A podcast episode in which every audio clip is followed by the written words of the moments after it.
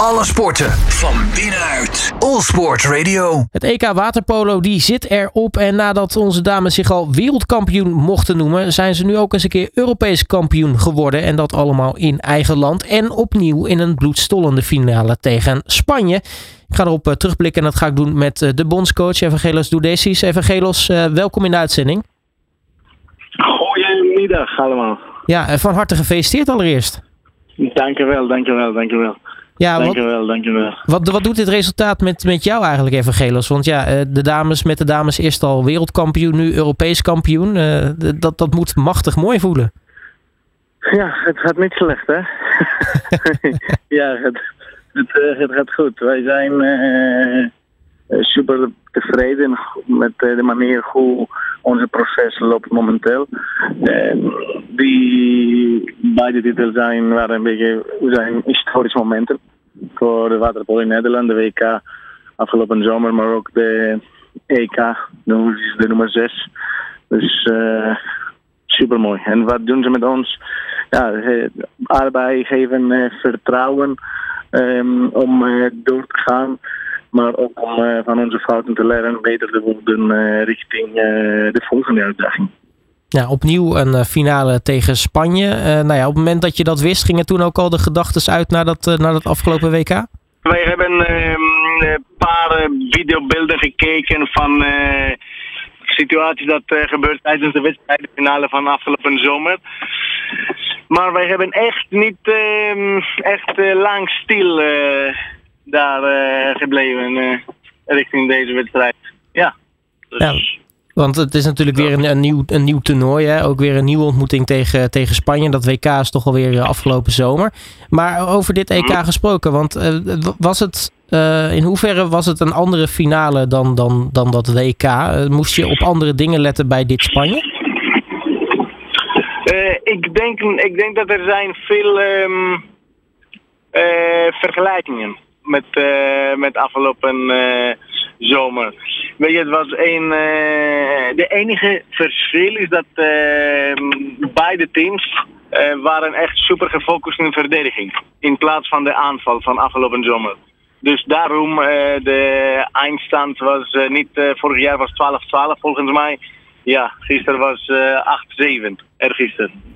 Ja, en nu, nu ook uh, natuurlijk uh, in, uh, in, in reguliere speeltijd binnen weten te slepen. Want het, het, was, het was wederom een bloedstollende finale. Maar dat slot, ja, het had bijna niet gekker kunnen zijn.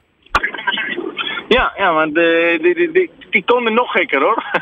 Als we wij de maar niet gescoord of, of Spanje scoorde de laatste seconde van de wedstrijd. Wij moesten weer de straf voor nemen. Dus, en dit is ook één indicator dat zegt dat eh, de verschillen tussen die twee teams, Spanje en Nederland, zijn echt minimaal. minimaal. Ja, uiteindelijk wist uh, Rogge als uh, in de slotseconde te scoren. maar vlak voor tijd zei ze nog tegen jou dat ze er, eruit wilde. Ehm, waarom hield je haar toch nog in het, in het water? Ja, omdat die zijn geen momenten nou om uit te gaan. je kan ook een beetje geduld hebben en nog 20 seconden spelen en daarna uitgaan. Uh, het was echt een superbelangrijk moment. En uh, op die moment ik had echt uh, super veel vertrouwen dat Bente gaat veel ruimte krijgen in deze aanval. Um, wij hebben echt fantastische shooters in deze team.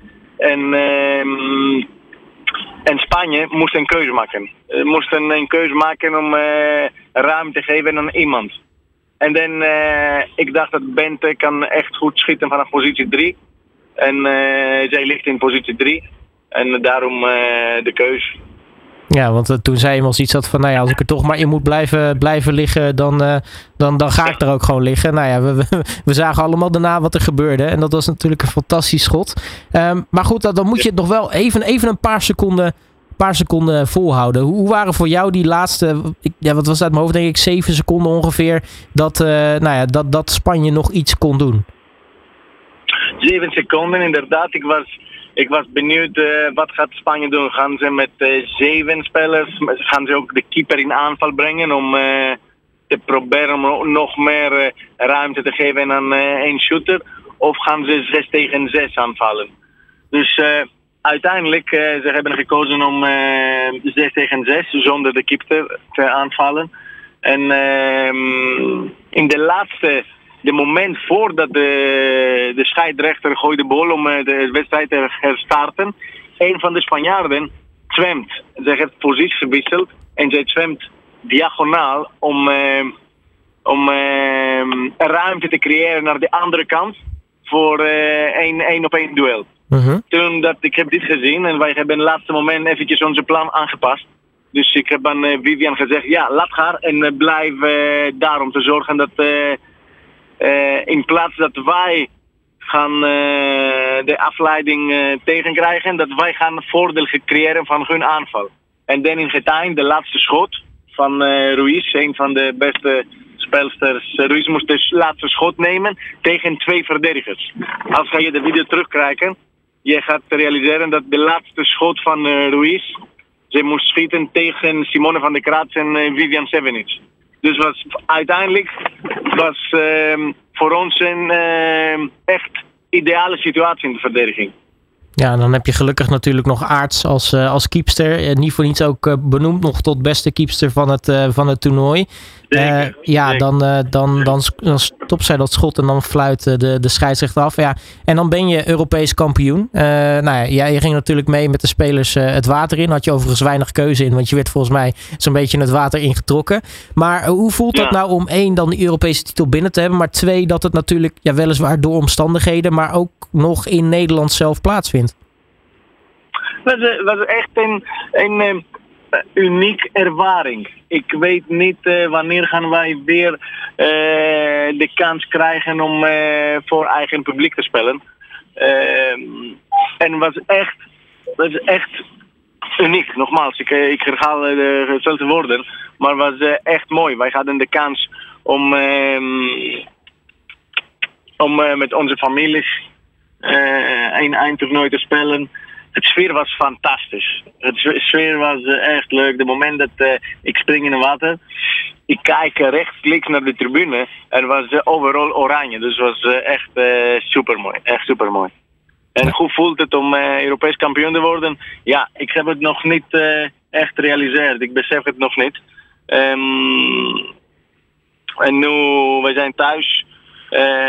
en wij hebben ook niet zoveel tijd om erover na te denken. Aangezien dat de WK begint over 2,5 weken. Twee weken eigenlijk.